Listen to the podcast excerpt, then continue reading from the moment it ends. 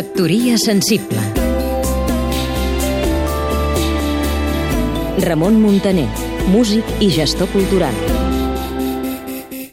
Fa unes setmanes, l'Empar Moliner, en la seva secció habitual a la contraportada de l'Ara, parlava de com s'ha imposat en la nostra societat el concepte de som el que mengem, i amb aquella barreja d'ironia, agudesa i provocació que tal la caracteritzen, afirmava rotundament mentida, mentida podrida, no ets el que menges, ets, fonamentalment, el que no menges i, sobretot, el que no veus.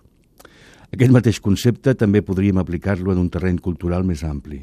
Som el que digerim en el terreny de les idees i l'art en general, el que escoltem, el que llegim, el que veiem.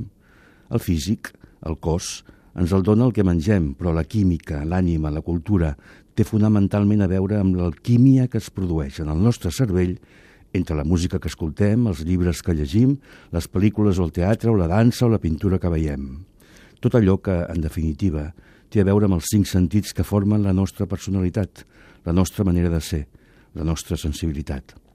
El gust, l'olfacte, el tacte, la vista, la oïda, marquen sens dubte la nostra percepció de l'entorn i exercitar-los i excitar-los ens porta, sens dubte, a desenvolupar el millor de nosaltres mateixos.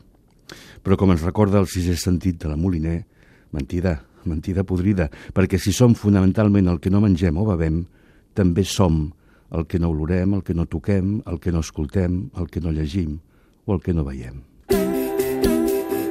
Factoria sensible Seguim-nos també a catradio.cat